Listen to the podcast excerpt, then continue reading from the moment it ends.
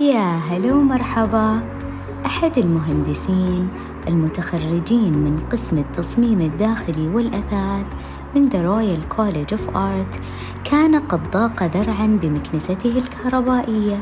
وكيف يتجمع الغبار في كيسها الداخلي أثناء الكنس وتقل كفاءتها مع الوقت؟ وكلما قام بإصلاحها تكررت المشكلة من جديد وفكر بحل جذري للمشكلة وعمل على تطوير المكنسة. عمل بنفسه وعلى مدار خمس سنوات بإيجابية وحماس على تحسين أداء المكنسة وعلى أن يتخلص من الكيس الداخلي المسبب للمشاكل ويجعلها بدون كيس. كان يطور ويصنع العينات وعلى حسابه الخاص. قام بعمل حوالي خمسة آلاف مكنسة.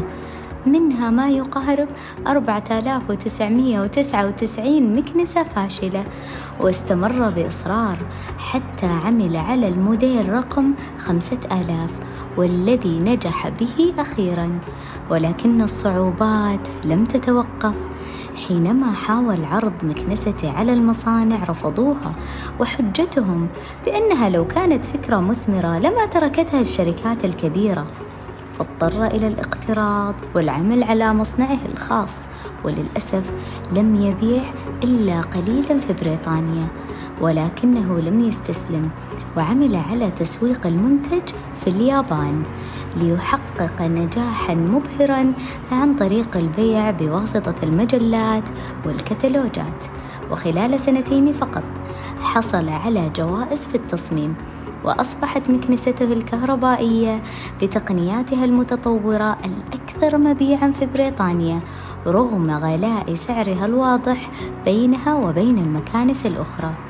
هذا الرجل هو البليونير المخترع جيمس دايسون بإصراره على النجاح وإيمانه العميق بقدراته تقبل العقبات برده فعل إيجابية واستطاع أن يصل إلى ما لم يصله الآخرون. فمن يجرؤون على الإيمان بأنهم يستطيعون تغيير العالم سيستطيعون تغيير العالم. قاعدة العشرة تسعين تقول بأنه عشرة بالمية من أحداث حياتك هي ما يحدث لك خارج عن إرادتك وتسعين بالمية من أحداث حياتك هي ردة فعلك تجاه ما يحصل لك. والناجحون المبتكرون في الحياة هم من يستطيعون التحكم بردود أفعالهم بإيجابية فهم لا يحبطون بسهولة ولا يستسلمون ويستطيعون رؤية الجميل في كل ما يحصل لهم. فهم من يحولون الفرص بعون الله إلى واقع جميل وهم من تحلو بهم الحياة وتزهر.